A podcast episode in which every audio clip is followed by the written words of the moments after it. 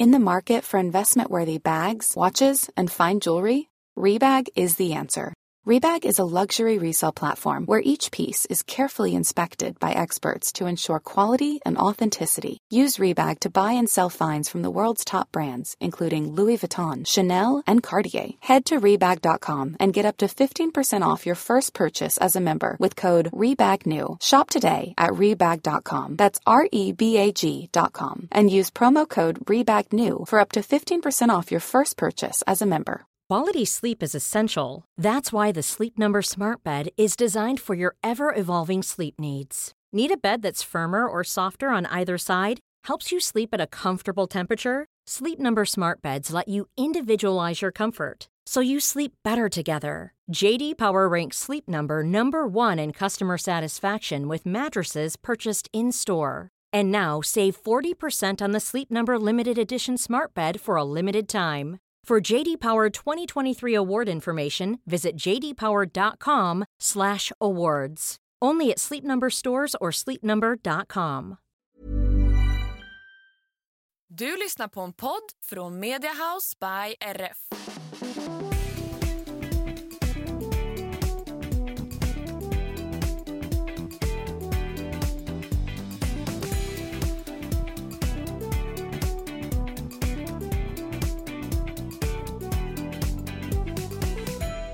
Hej allihopa och välkomna till systrarna Elfstrands hästpodd avsnitt 194. Tjenare, mitt namn är Anna. Och mitt namn är Emma och det här är podden om hästar, ridsport. Vi har själva fyra stycken egna hästar, rider hoppning och dressyr för det mesta och tycker att det är väldigt kul att snacka häst. Rider hoppning och dressyr för det mesta. Vad gör vi annars?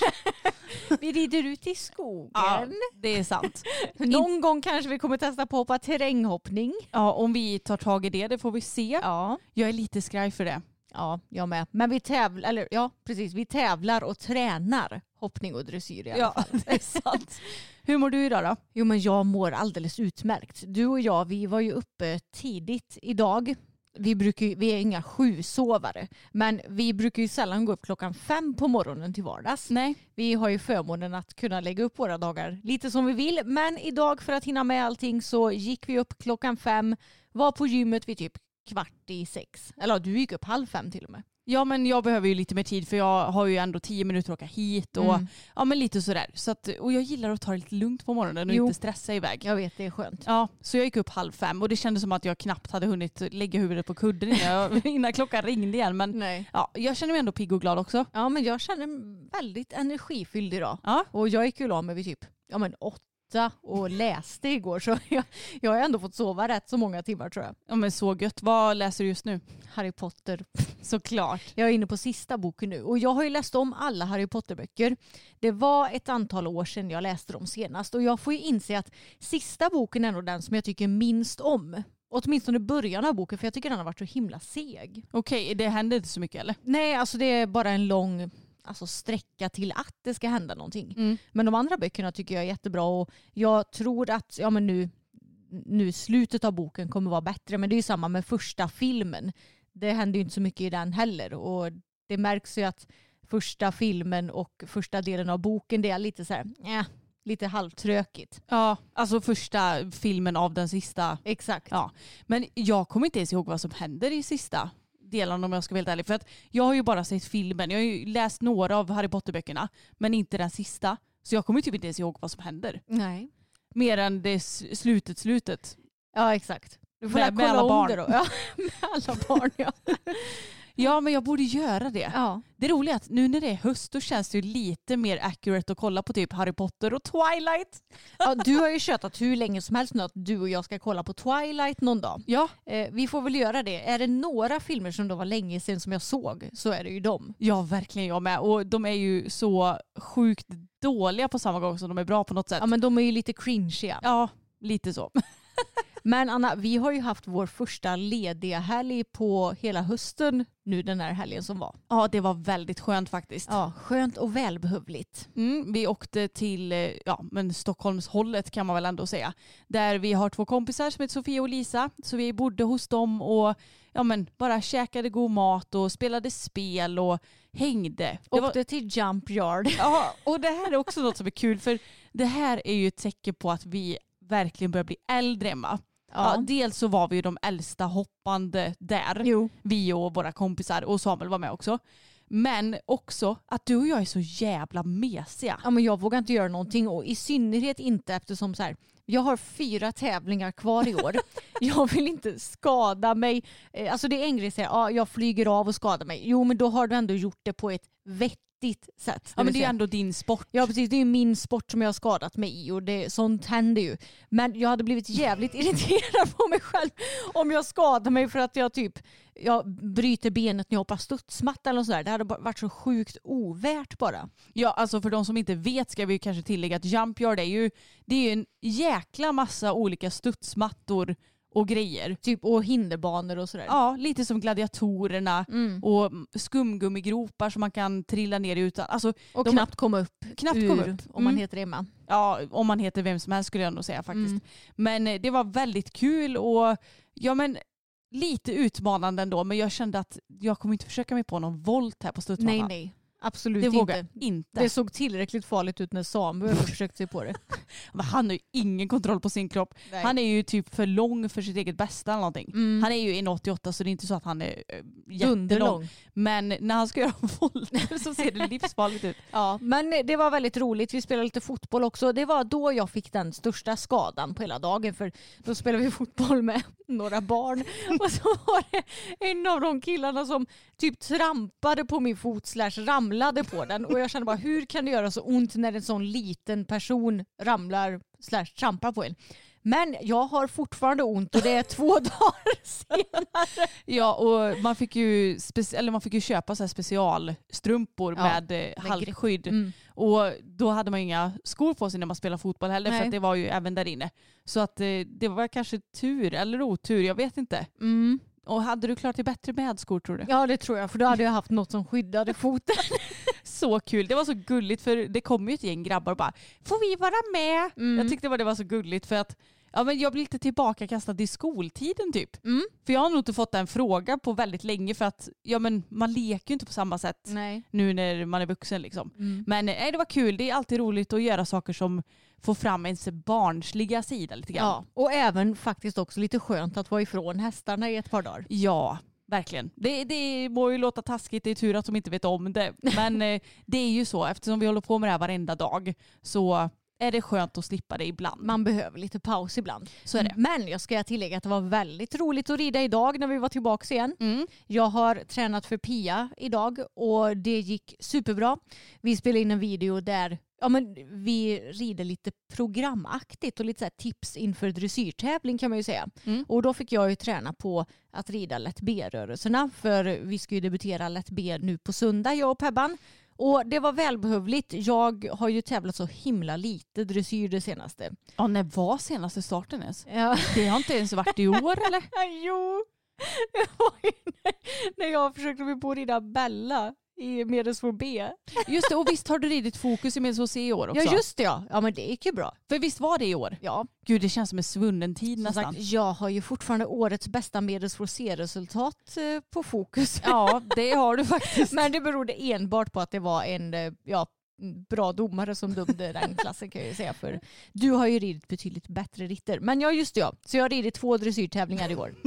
eh, det var länge sedan jag red lätt B1 men den kan jag ju innan och utan till. Mm. Däremot så är jag ju inte skitbra på det här med ja, men att planera och rida ett helt korrekt program, få tillräckligt eller liksom exakt eh, perfekt stora volter, vända upp på medellinjen. Alltså, det är så mycket små detaljer i dressyren som jag tycker är så svårt att få till. Men det är också det som är det roliga. Och, ja, men, det är ju helt olika grejer att hopptävla och dressyrtävla. För Mm. när du hopptävlar, ja men det är olika banor hela tiden.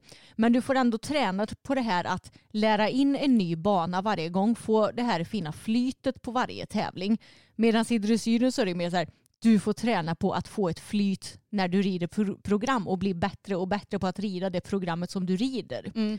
Så det är ju lite det jag får försöka ställa om mig till nu då. Ja, och det är lite kul också för hopptävlar du då är det ju verkligen skitsamma hur du kommer på det där hindret. Ja. Du skulle kunna komma jättesnett eller väldigt rakt eller i bott eller stort eller hur som helst. Det enda som är huvudsaken är att du förhoppningsvis tar dig över hindren felfritt. Exakt. Men jag menar i dressyren så är det sådär, du ska rida ut hörnen ordentligt och du ska komma upp perfekt på medellinjen, göra exakt lika runda 10 meters volter och 10 meters volter är skitsvårt tycker jag. Ja, det är jättesvårt. Det är så lätt att man hamnar bara pyttelite över medellinjen eller bakom medellinjen Ja. eller vad man ska säga.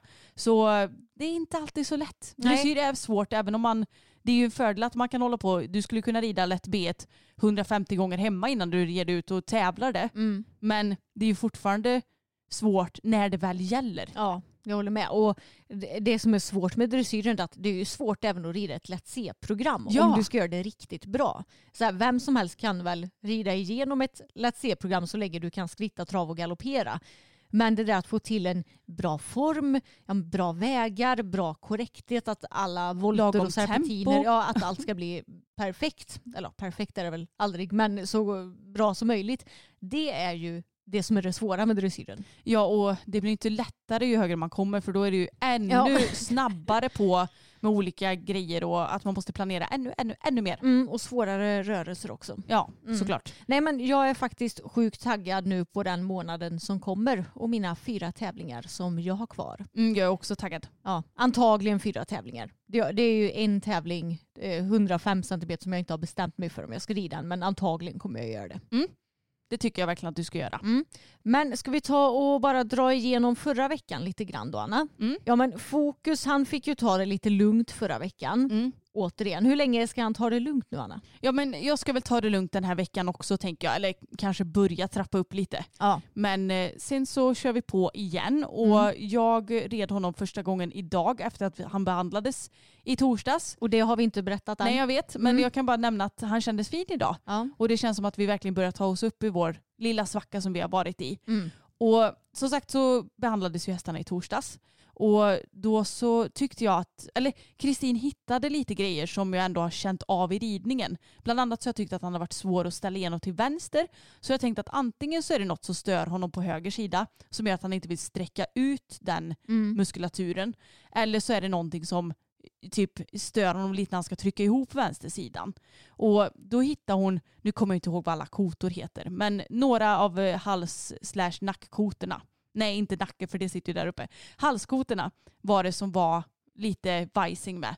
Så de fick hon ordning på och sen så hittade hon väl lite, lite grann i ryggen men annars så sa hon att hon, eller hon, att eh, han kändes fin. Ja men vad skönt. Så det var skönt och det känns som att ja, men jag tyckte att det gick lite lättare för idag så gjorde jag ju bara lite små skänkelvikningar och, och sådär och jag tyckte att det kändes bättre. För att det har varit mycket lättare att flytta honom för vänster skänkel innan men nu de senaste tre veckorna eller vad det nu är när vi har haft vår lilla svacka så har det varit mycket enklare för höger skänkel. Men nu kändes det typ lika lätt. Ja men vad skönt. Så det känns som att något har lossnat i kroppen på Ja, honom. men nu är han ju verkligen helt genomcheckad både av veterinär och Mm. ekiopat. Så det känns ju som om den här behandlingen plus B-vitaminsprutorna har gjort susen för jag tycker han har sett svinfin ut nu det senaste. Ja men det känns verkligen som han är på G så Mm. jag är väldigt glad. Ja men vad härligt. Och Pebban hon har ju tränat på. Hon både dressyr och hopptränade förra veckan. Och dressyrträningen, jo men den gick bra. Alltså jag har ju haft lite problem med galoppen den senaste tiden, eller egentligen hela hösten. Och då speciellt vänstergaloppen, hon har blivit så fruktansvärt stark och drar iväg och slappnar inte av och jag får inte till någon bra form. Nej, Men- hon får ju inte heller till någon bra galopptakt då när Nej. hon blir sån här. Precis, men det känns som att det har verkligen börjat släppa nu det senaste och det är jag glad över för det hade, jag hade haft lite smått panik om galoppen hade känts så dålig nu när jag ska tävla på söndag. Och jag kan ju säga att jag har lagt upp lite filmer på min egna Instagram, Emma Elfstrand, i mitt flöde. Den eh, ja, men höstiga bilden med Pebban och om ni swipar så får ni se lite klipp ifrån dressyrträning och då är det ju vänster galopp som jag mest visar upp och det är ju som sagt det som vi har haft mest problem med så det känns väldigt skönt att det börjar släppa. Och även idag när jag red så kändes det, ja men galoppen känns bra. Ja men hon såg skitfin ut idag tycker jag. Ja, ja men det, det är så himla skönt. Det känns som att så mycket har lossat och jag är så tacksam att vi hittade Pia och har börjat träna för henne. För det känns som att både vi och hästarna har utvecklats så mycket. Ja men vi får så himla bra coaching av henne. Mm. Det är så himla kul och man blir Även om man kan känna ibland att oh, fasen vad svårt det är idag eller att ja, men man kanske, ja, men som när jag hade lite svacka med fokus så får man ändå så god hjälp. Mm. Det är liksom inte att man kommer ut och känner sig sur och ledsen och besviken utan man känner ändå att jag är på en mycket bättre ställe nu än innan Ja. passet började. Ja, men jag är sjukt peppad på det här med dressyren och att ja, men komma igång och tävla lite dressyr också. Nu ska jag ju rida två lätt B1 det här året. Och sen satsar jag väl på att komma ut och rida lätt A-klasser till våren. Jag tror att ge oss en vinter så kommer vi vara ännu vassare i dressyren. Ja det tror verkligen jag också. Ja. Och hoppträningen gick också väldigt bra. Hon var så himla fin. Vi hoppade också lite högre språng mot vad vi har gjort på träning det senaste. Jag har ju lite problem med balansen när eh, oxrarna blir eh, högre på hemmaplan. Jag vet inte vad det är för. Det känns nästan aldrig som om jag hamnar i obalans när jag tävlar. Men hemma när jag tränar, jag, jag kan bli tokig på det där med balansen. Ja, jag fattar inte riktigt heller vad det är som är Nej men det är som att annorlunda. det känns som att hon hoppar typ lite spändare hemma och ehm, som att hon typ tar för sig bättre på tävling och att eller så är det jag bara som gör något annorlunda. Jag vet inte. Hon är jätteduktig som vanligt och jag får helt enkelt försöka analysera och kämpa på. Ja, och jag försöker ju hjälpa dig att analysera lite för att ibland är det svårt att vara själv i det. Men jag har inget bra svar heller. Nej men det är ju det här med att jag, behö- jag ska inte räta upp mig för tidigt utan jag behöver vara framme. Precis. Men min skänkel har ju också en tendens att, ja, men det, det är så här, ibland är den skitbra på henne, eller ganska ofta är den bra. Men det är som att ibland hoppar hon lite konstigt så att jag typ hamnar i bakvikt nästan. Det, I uppsprånget eller överlag? ja, överlag. Ja. Att jag, det känns som att jag kanar typ bak i sadeln. Och det, jag tycker det är ibland, det, det måste vara när hon har någon sorts teknik när hon, när hon hoppar. Mm. Men jag vet inte, jag har ju haft problem tidigare med balansen på Bella också till exempel. Exakt. Vilket jag inte har haft någonting de senaste åren. Så jag tror att ja, men, jag, jag får träna på.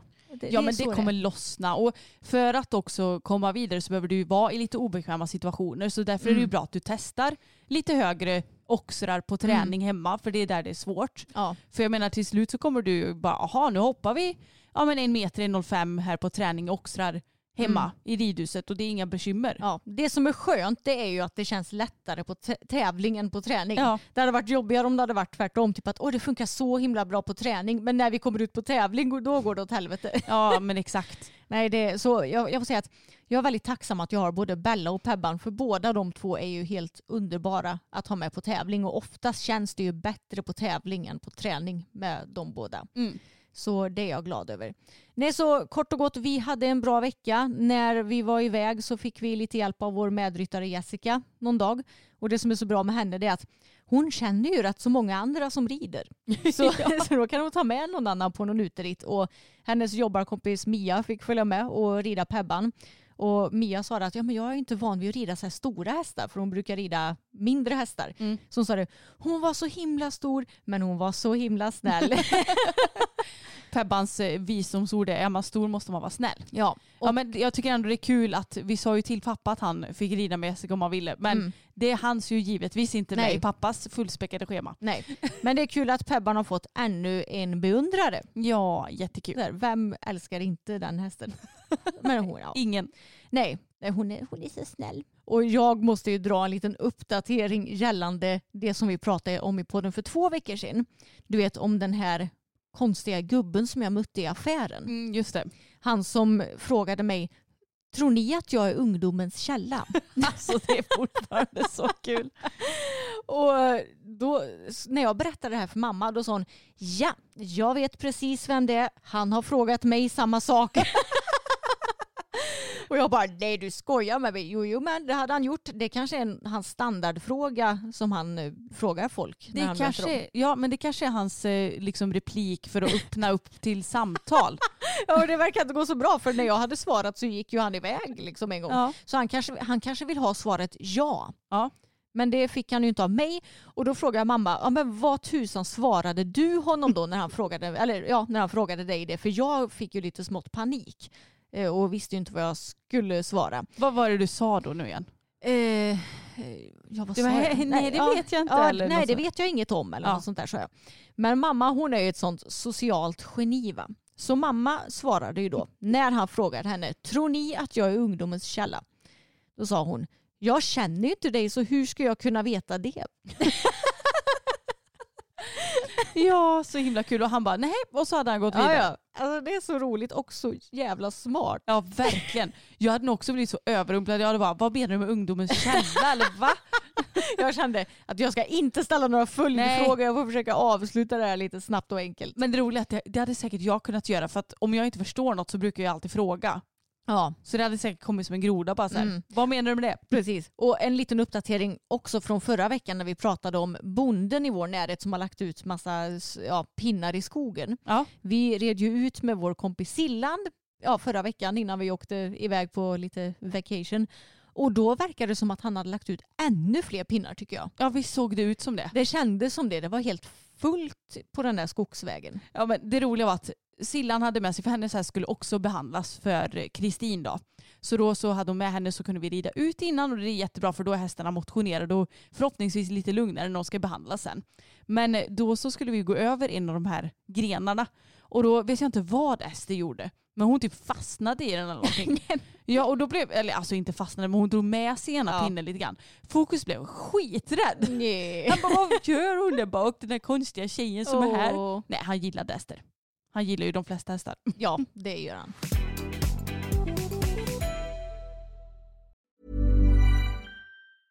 Ryan Reynolds here from Mint Mobile.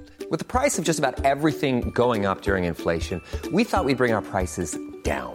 So to help us, we brought in a reverse auctioneer, which is apparently a thing.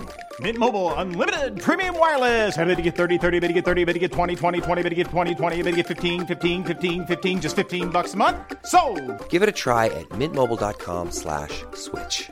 $45 upfront for three months plus taxes and fees. Promo rate for new customers for limited time. Unlimited more than 40 gigabytes per month. Slows. Full terms at mintmobile.com. Many of us have those stubborn pounds that seem impossible to lose, no matter how good we eat or how hard we work out. My solution is PlushCare. PlushCare is a leading telehealth provider with doctors who are there for you day and night to partner with you in your weight loss journey. They can prescribe FDA-approved weight loss medications like Wagovi and Zepbound for those who qualify. Plus, they accept most insurance plans. To get started, visit plushcare.com slash weight loss. That's plushcare.com slash weight loss. Jag tänker att vi ska ta och ta upp en fråga som vi har fått. Jag undrar, det finns ju alltid specifika grejer att tänka på när man rider olika hästar. Som att vissa är svagare i ett bakben och man jobbar på att få den att spåra. Vissa skjuter ut en bog eller har lätt för att släppa kontakten till bettet. Hur tänker ni? Ska man träna på det varje gång man rider eller ska man låta den gå som den gör av sig själv ibland? Till exempel på uteritt eller då man är mindre motiverad. Eller bara för att hästen ska få slippa anstränga svagheten varje pass. Såklart finns det ju en orsak bakom varje ojämnhet i, i hästen. Men om man uteslutit hinder i rörelseapparaten, utrustning, försöker sitta rakt över hästen. Hur resonerar ni? Tycker jag, tänker jag för mycket på att åtgärda ett symptom? Jag tyckte det var en väldigt intressant fråga. Mm, jag håller med och de flesta hästar är ju som sagt svagare i något bakben till exempel eller lite skeva på något annat vis. Och jag menar det är ju vi människor också. Ja. Jag är starkare i min vänstersida till exempel och försöker ju att träna upp min högersida lite mer. Men det är ju svårt för vi är också höger eller vänsterhänta och då blir det ju lätt att man blir lite skev åt något håll. Men om jag tänker lite med hur jag gör med Pebban så skulle jag säga att Pebban hon är svagare i sitt högra bakben måste det bli. För Mm. det vill hon ju helst inte sätta in under kroppen lika mycket som det vänstra. Och när jag till exempel då tränar för Pia så är vi ju vi väldigt noggranna med att hon ska spåra så mycket som möjligt hela tiden. Vi jobbar med att hon ska sätta in under sig det där högra bakbenet för när hon väl gör det så är det ju mycket andra ridbarhetsproblem som försvinner.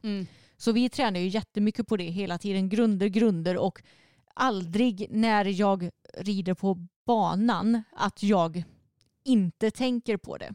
Precis, och vi har ju sagt det ganska många gånger i podden men vi försöker hålla det ungefär tre pass på banan i veckan och tre uteritt i veckan. Det Mm. kan ju såklart variera lite, speciellt nu när det är lite sämre väder ute och sådär. Ja. Men jag tänker också som så att de går ju ändå inte, de går liksom max en timme om dagen. Alltså alla dagar i veckan. Ja, Och då tycker jag ändå sådär att det är väldigt många timmar som de inte behöver tänka på det här precis. och jobba sin svaghet. Sen ibland så kan jag känna att en häst måste vara en häst. Så ibland försöker jag knappt tänka på hur fokus går i form i skogen och sådär. Men åtminstone alla pass på banan Ja. så försöker jag också att ja, men motverka hans svagheter eller vad ska man säga. Ja men det är precis samma här. I skogen är jag inte lika noggrann men jag märker också en väldigt stor skillnad på hur hon är att rida på utritterna nu mot vad hon var för bara några månader sedan. Mm. Hon är mycket lättare att rida i en bra form till exempel. Hon är inte lika stark, hon är inte lika lång. Eh, sen så är det ju lite svårare kanske att hålla koll på exakt hur de spårar och sådär i skogen. Så där är jag kanske lite mer förlåtande och att hon får gå lite som hon vill. Men jag försöker ändå hålla ihop henne att hon ska gå i en bra form och sådär. Och ifall jag rider först till exempel. Jag vet att ja, men efter hennes skada, hon hade ju en hovbensfraktur på höger bak. Så när jag red först så bad jag ju dig typ, kan du se ifall hon spårar eller ifall hon sätter rumpan åt höger eller till Mm. vänster. Och då kunde ju du säga det och då började jag träna redan då när hon bara fick skritta till exempel att hon skulle spåra så att hon tränar upp sig och blir så rak som möjligt. Så i skogen, inte lika noggrann men försöker ändå att de ska jobba på bra. Men att där kanske de kan få glömma bort sin svaghet lite grann. Men på banan väldigt noga. Ja men precis, för jag tänker också att om man är noggrann och konsekvent med det här och ja, men inte sätter för mycket press under alla pass utan att det är ju egentligen en ganska simpel grej. Om, om min häst är svag i höger bak och gärna vill ta in rumpan i höger varv lite inåt, då är det ganska enkelt för mig att tänka lite öppna egentligen Ja. ju.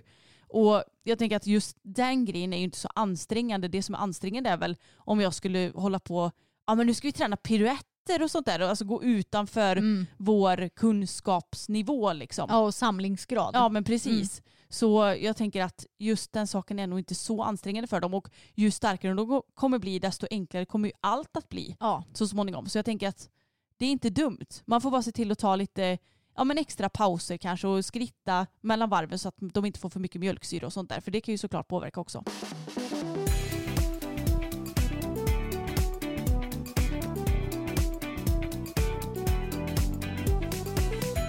Jag måste ta upp en grej som jag såg i en Facebookgrupp och då är det en person som har ställt en fråga till de andra i gruppen. Jag har nyligen blivit medryttare för första gången. Stallet och hästen står på ägarens gård och alla sju hästar ägs av gårdsägaren där jag då blev medryttare på en av dessa.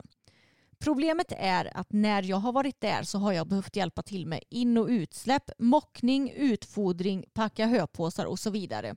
Inte bara till min medryttarhäst utan till alla sju hästar som står i stallet. Detta var inte något jag kände att jag hade signat upp mig på från början.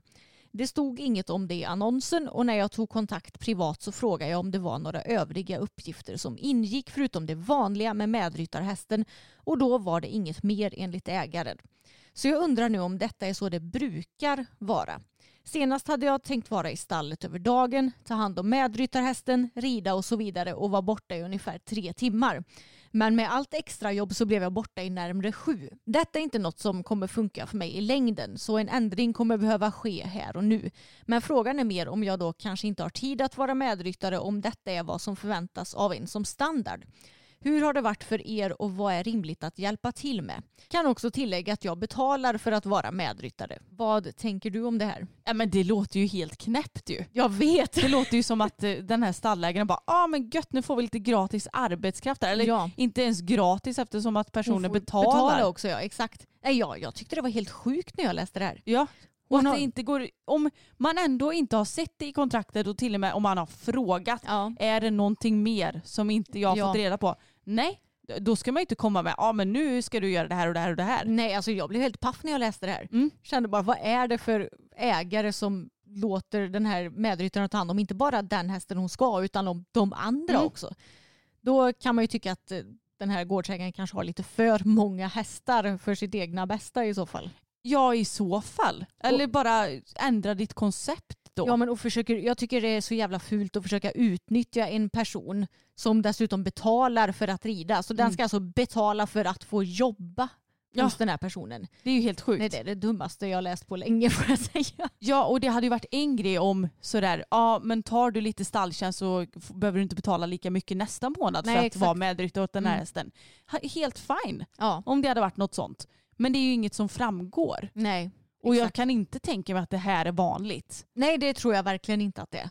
Det var, jag hoppas att det där är bara på det stället. Ja. För jag vet ju att vissa har att man får betala för att vara medryttare. Men i så fall så ska det ju inte ingå att du ska göra massa andra uppgifter. Nej utan då brukar det vara ta hand om den här hästen, mocka åt den hästen som du är medryttare åt och fixa Mm. foder och that's it typ. Exakt. Sen så tycker jag personligen att det är konstigt att eh, ja, någon ska betala för att hjälpa dig.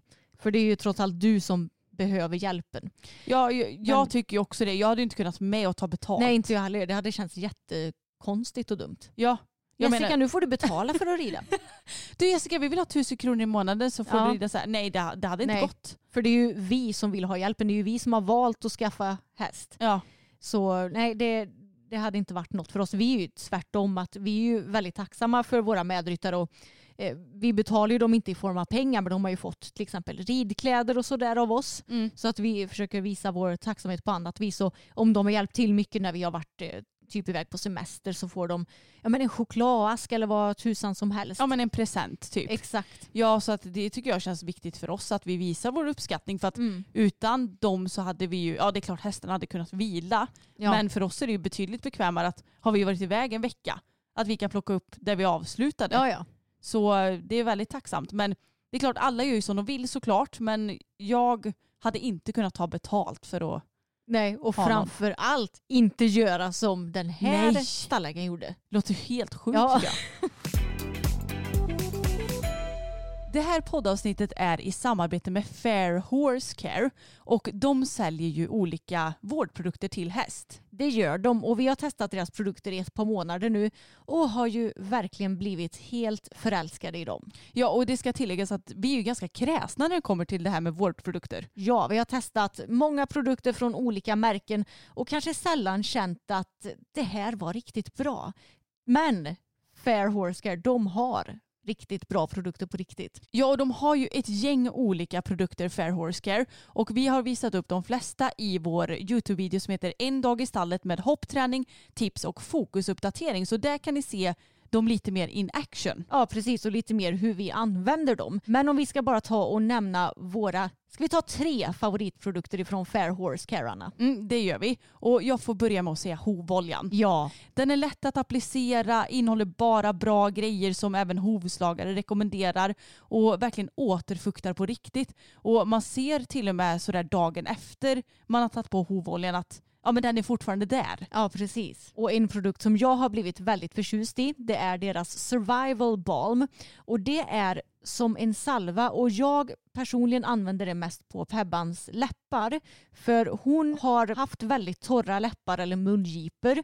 Och innan jag började använda survival balm på henne så tyckte jag faktiskt att hon nästan hade som en liten förhårdnad i själva mungipan. Och sen nu när jag använt den då har den förhårdnaden försvunnit och jag tycker också att hon har blivit mindre stark i ridningen. Sen så tror jag inte bara att det beror på det här men jag tror helt klart att det är någonting som har hjälpt. För det är klart att är mungipan mjuk och följsam så får hon ju en bättre kontakt till bettet och såklart också att det blir skönare och mjukare för henne. Ja det kan säkert ha med saken att göra tror jag. Mm. Och den är verkligen toppen så den använder vi ju lite mer på torra partier som Ja. läppar och om de kan få någon liten torr flaga typ i karleden kan fokus få ibland. Mm.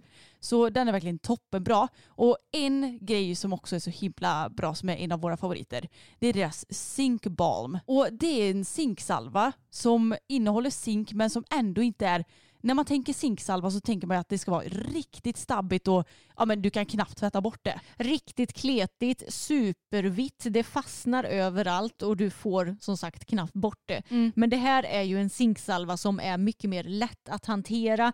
Du har fortfarande de här positiva effekterna ifrån zinket samtidigt som den är mycket trevligare att jobba med och ger resultat. Och zinkbalm har vi använt på typ mugg på sår som kanske har fått någon förhårdnad. Ni vet när sår läker så kan det blir som en liten hård skorpa som kan vara svår att få loss ibland. Så zinkbalm det tycker jag både läker läker och mjukar upp på ett väldigt bra sätt. Och funkar ju väldigt bra att använda ja, men typ i karleden och sådär för att motverka mugg också. Och jag kan säga att zinkbalmet det har verkligen räddat Pebbans ben efter att hon var med om den lilla olyckan när hon fastnade i pappas strängläggare och fick sår på hela sitt vänstra ben. Ja, verkligen. Då fick vi smörja med den och det gjorde ju susen. Ja men alltså hennes ben är så fint nu. Man kan inte ens eh, se idag att hon lyckades fastna i den där strängläggaren. Nej, det är helt galet. Ja, så vi är ju otroligt förtjusta i Fair Horse Cares produkter och ifall ni har blivit nyfikna på att testa Fair Horse Care så får ni 10% rabatt som nya kunder på deras hemsida med koden FAIR. Och vi har länkat till deras hemsida i beskrivningen och jag tycker verkligen att ni ska ta och spana in den för deras vårdprodukter för häst är helt otroliga och jag är säker på att det finns någonting för alla. Ja, och de är ju dessutom veganska, de är biologiskt nedbrytbara och dessutom så sker ju produktionen i Sverige.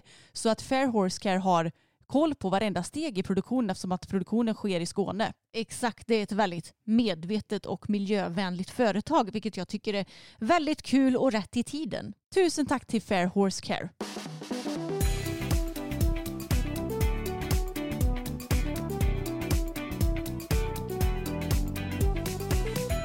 Något som varit på tapeten det senaste. Det handlar om en dressyrhäst Emma. Har du? Är det Bohemian eller? Ja det stämmer bra. Vad kul att du säger det för jag hade också tänkt upp det. Är det sant? ja.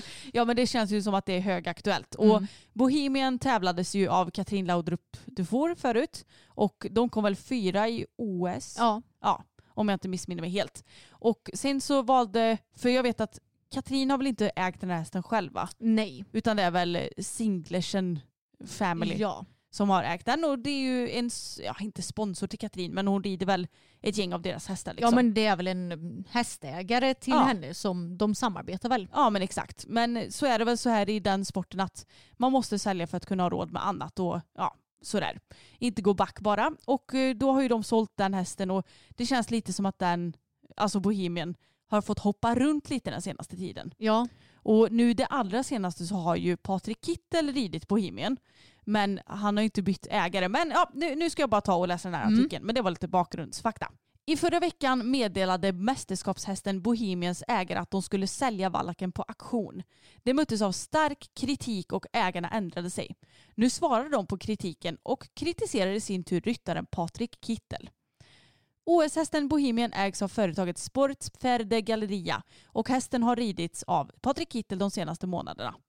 Tidigare så rapporterades det att hästen skulle säljas på auktion. Och det här var ju någonting som jag läste på Patrik Kittels Instagram.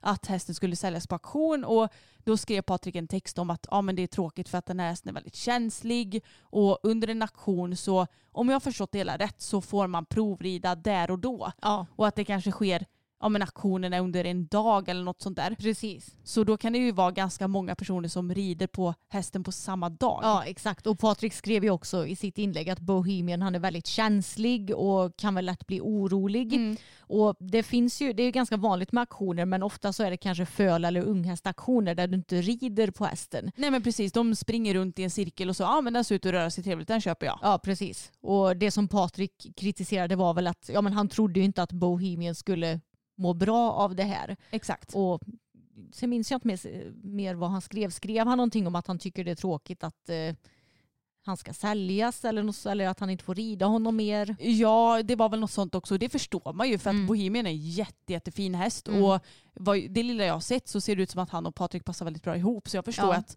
det är tråkigt att han blev av med honom så. Mm. Men detta väckte uppståndelse och skapade starka reaktioner från fl- flera ryttare. Bland annat från Patrik Kittel själv som inte tyckte att försäljning på auktion var lämpligt för mästerskapshästen. Kort därefter ändrade sig ägarna och sa att de ville sälja Bohemian och sina andra hästar via en privat process och att priset är 1 500 000 euro. Det är ju galet mycket pengar för övrigt. Hur mycket är det i svenska kronor typ? Ja, vad Typ- ligger euron på nu? Kan det vara typ 18 miljoner? Du, vi måste nästan Mm. googla upp där. Ja men det är ju nästan 18 miljoner. Ja, det är nästan 18 miljoner. Mm. Ja, herregud. Och Bohemian han är ju en vallack men hur, han är ju inte jätteung heller väl? Nej, är han född? Det här måste jag också Ja. kolla upp. Men gud, hur gammal är han? Är han som fokus? Nej. Ja men det verkar ju som om han är 13 år. Alltså då är han lika gammal som Fokus. Precis född 2010. Så det är ju inte gammalt för att vara en dressyrhäst. Men eh, han, ja, alltså han har ju inte evighetsmånga år kvar. Nej men exakt, det är ingen purung häst. Nej Liksom. och det går ju inte att avla på honom heller. Nej. Men eh, i artikeln så står det här också att de hoppas sälja hästen till en ryttare med ambitionen att rida OS 2024, vilket innebär att en affär behöver genomföras innan årsskiftet. Nu svarar också Sports Ferde Galleria på kritiken via Instagram där de framhåller att hästarnas välfärd är deras högsta prioritet. Men som ett vinstdrivande företag som de flesta andra företag i sektorn är det ibland oundvikligt att sälja några hästar. Det spelar ingen roll hur rika vi är. Vi måste fortfarande sälja några av våra hästar precis som vilket annat stall som helst. Tyvärr måste vissa äldre hästar säljas snabbt innan de tappar i värde, skriver de. Bohemian har nu lämnat Patrik Kittels stall, skriver ryttaren på Instagram. Jag försökte få till en överenskommelse men ägarna var inte intresserade, skriver Patrik. Sportsferde Galleria hävdar i sin tur att Kittel aldrig erbjudit sig att köpa Bohemian utan att Patrik ville att de skulle ge vallaken till honom gratis inom citationstecken. Han ville i princip att vi skulle ge honom Bohemian gratis och om hästen skulle dö eller bli halt skulle herr Kittel inte vara ansvarig, skriver Sportferde Galleria och menar att det är villkor som ingen hade gått med på. Sportferde Galleria ställer också frågan om auktioner är så dåliga för hästar. De menar att det finns flera fördelar, som att hästarna testrids under en given period och inte löpande som vid en privat försäljningsprocess. Samt att det inte utgår någon provision till mellanhänder eller tränare. Sammanfattningsvis är det tråkigt att vi försöker sälja Bohemian, men tyvärr är det affärer och vi kan inte behålla alla våra hästar. Bo är nu hemma hos oss i Mönchengladbach och där kommer han att bli älskad, omhändertagen och bortskämd tills vi har hittat ett nytt för alltid hem för OS i Paris-hoppet. Vi skulle vara mycket tacksamma om dressyrcommunityt kan se på den nuvarande situationen mer objektivt. Det låter ju som om de har blivit väldigt kränkta av det som Patrik har sagt på sin Instagram. Jag tycker verkligen det också, för jag kan känna lite, nu vet ju jag ingenting om den här situationen så det här är ju bara en gissning, men jag tror jag skulle ju ha lite svårt att tro att Patrik bara, ah, jag kan ha hästen gratis men om den dör eller blir skadad så ligger det på er. Ja, alltså, det, det låter som väldigt mycket påhitt för jag tror inte att någon ryttare tror att de ska få en så bra häst gratis. nej. Så jag har väldigt svårt för att se att Pat- Sanningshalten ja, i sanningshalten i det hela.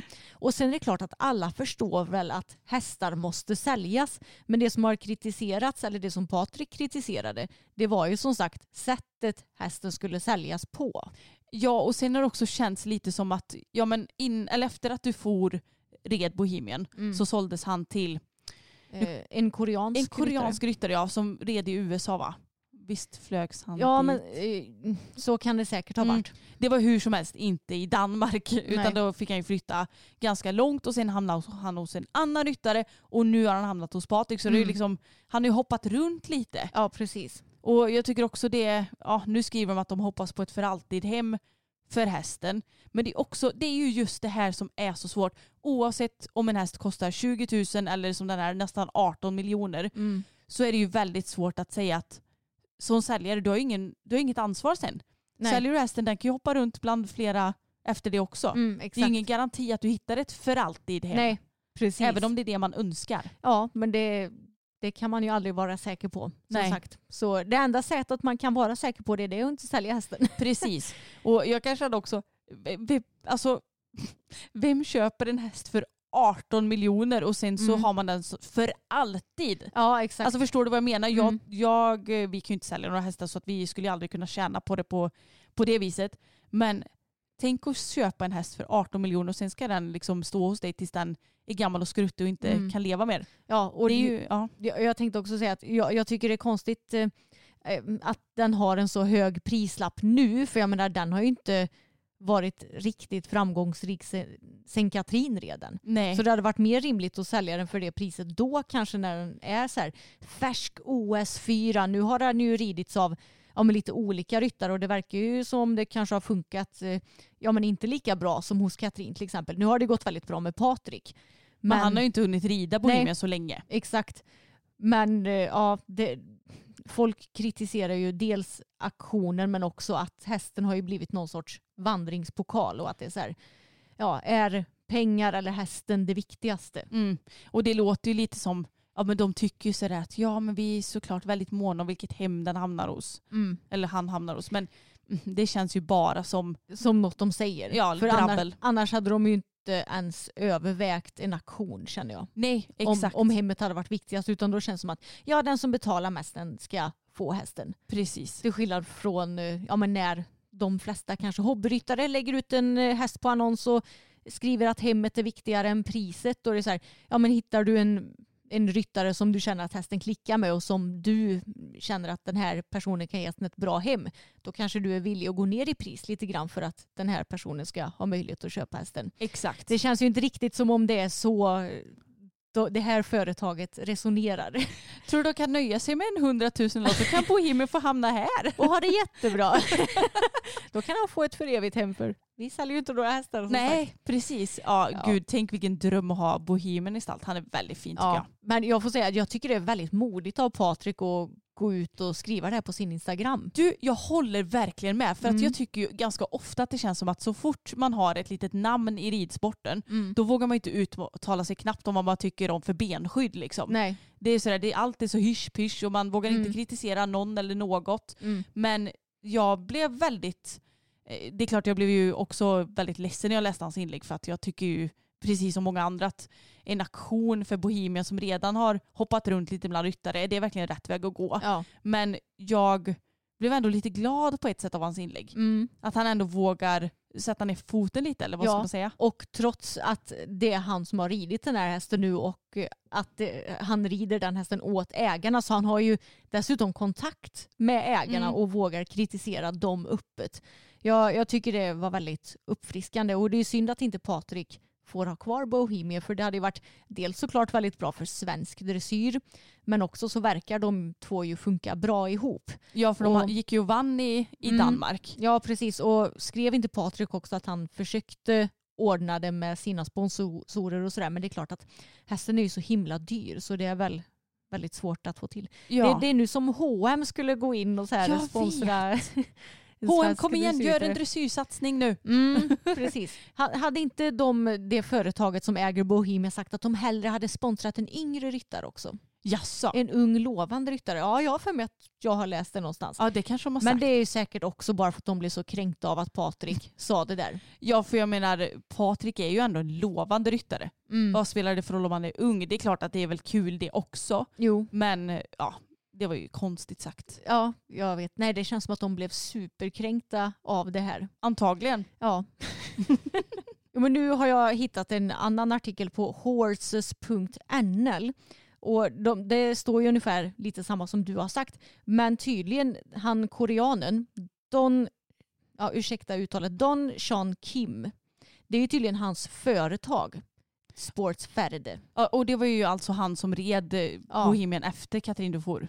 Precis. Mm. Så det är ju tydligen han som fortfarande äger hästen bara att han inte rider den längre då. Jaha. Så det är ju hans företag då, det hade jag ingen aning om. Men eh, då har vi cleared that out. Exakt. Jag ska se om jag hittar något annat kul i den här artikeln. Det står ju bland annat det där eh, ja, som du sa som vi kände att nej det där är nog kanske inte riktigt sant. Att de skulle ge hästen till Patrik ja, till exempel. precis. Ja, här står det istället för att ge Bohemian Ja, nu är det här översatt från nederländska till svenska. Ja. Så jag, jag läser rätt av så får ni ursäkta grammatiken. Istället för Bohemian till Mr Kittel så stöder vi hellre en ungdomsryttare eller ryttare som behöver en sponsor. Det är därför vi finner anklagelserna om att vi har fått Bohemian från Mr Kittel som inte bara var orättvist utan också helt själviskt och arrogant.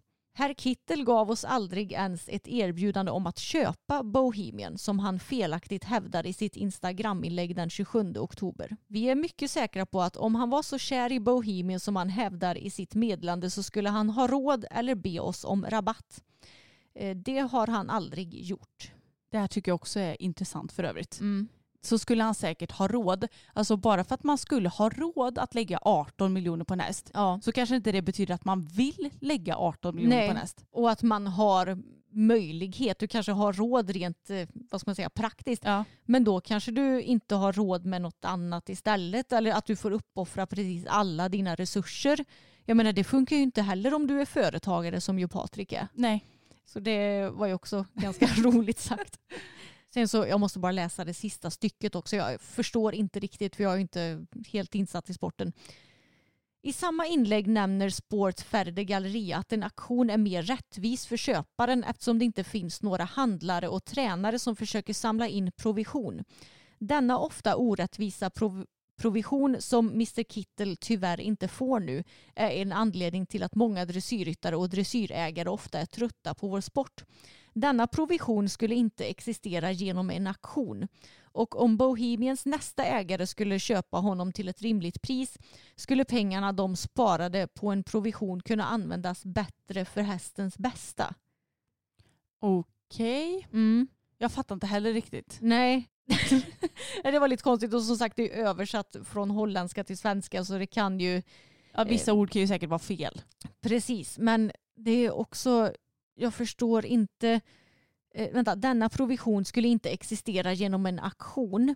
Nej, men då blir det ju fortfarande så att jag, jag tror ju inte att du betalar mindre om det går genom en provision jämfört med en eh, aktion. Nej. Och jag menar, de har ju satt upp ett jättehögt pris på honom nu. Så de kan ju inte påstå att de gör det för att pengarna de sparar kan användas bättre för hästens bästa heller. Nej, Så det känns också som väldigt så här, tomma argument. exakt. Och jag, jag tänker att det borde inte spela någon roll för dem hur de går tillväga eller? Nej. Ja.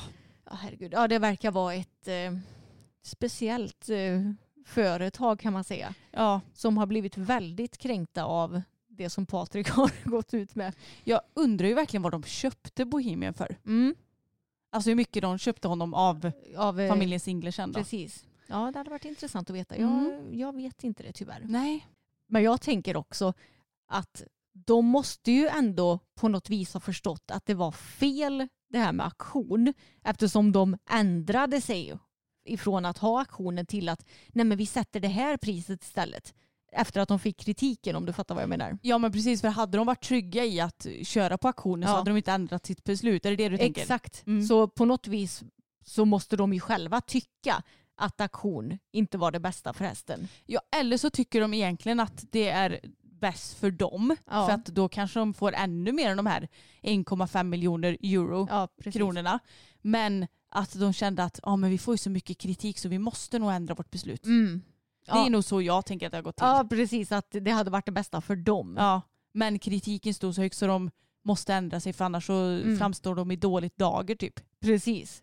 Men det, jag vet knappt om jag tycker att det, det här får dem att framstå som bättre. Speciellt inte nu med, all, med all, eh, allt som har släppts det senaste med alla anklagelser mot Patrik och allt vad det Nej. nu är. Det är lite pajkastning sådär. Ja, det verkligen. Sen så skiter, alltså, det spelar ingen roll vad vi vanliga människor tycker. Det Nej. huvudsaken för dem är ju att de får sina pengar.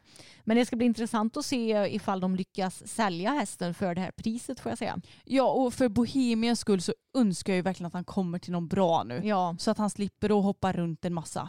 Ja men Andreas Hellstrand måste väl ha råd att köpa den hästen Anna? Ja det borde han ju kanske ha men eh, då, Vi får hoppas att han inte hamnar där så att säga. ja, då får vi fan skapa en, eh, skrapa ihop pengar så att vi kan köpa honom i så fall. vi och alla poddlyssnare. ja. något. Ja men sammanfattningsvis så känns ju det som om det här har blivit en riktig soppa. Lite så och jag är glad att jag inte är inblandad. Ja, verkligen. Jag är glad att jag är hobbyryttare som inte håller på med försäljning av hästar på det här viset. Gud ja, verkligen jag också.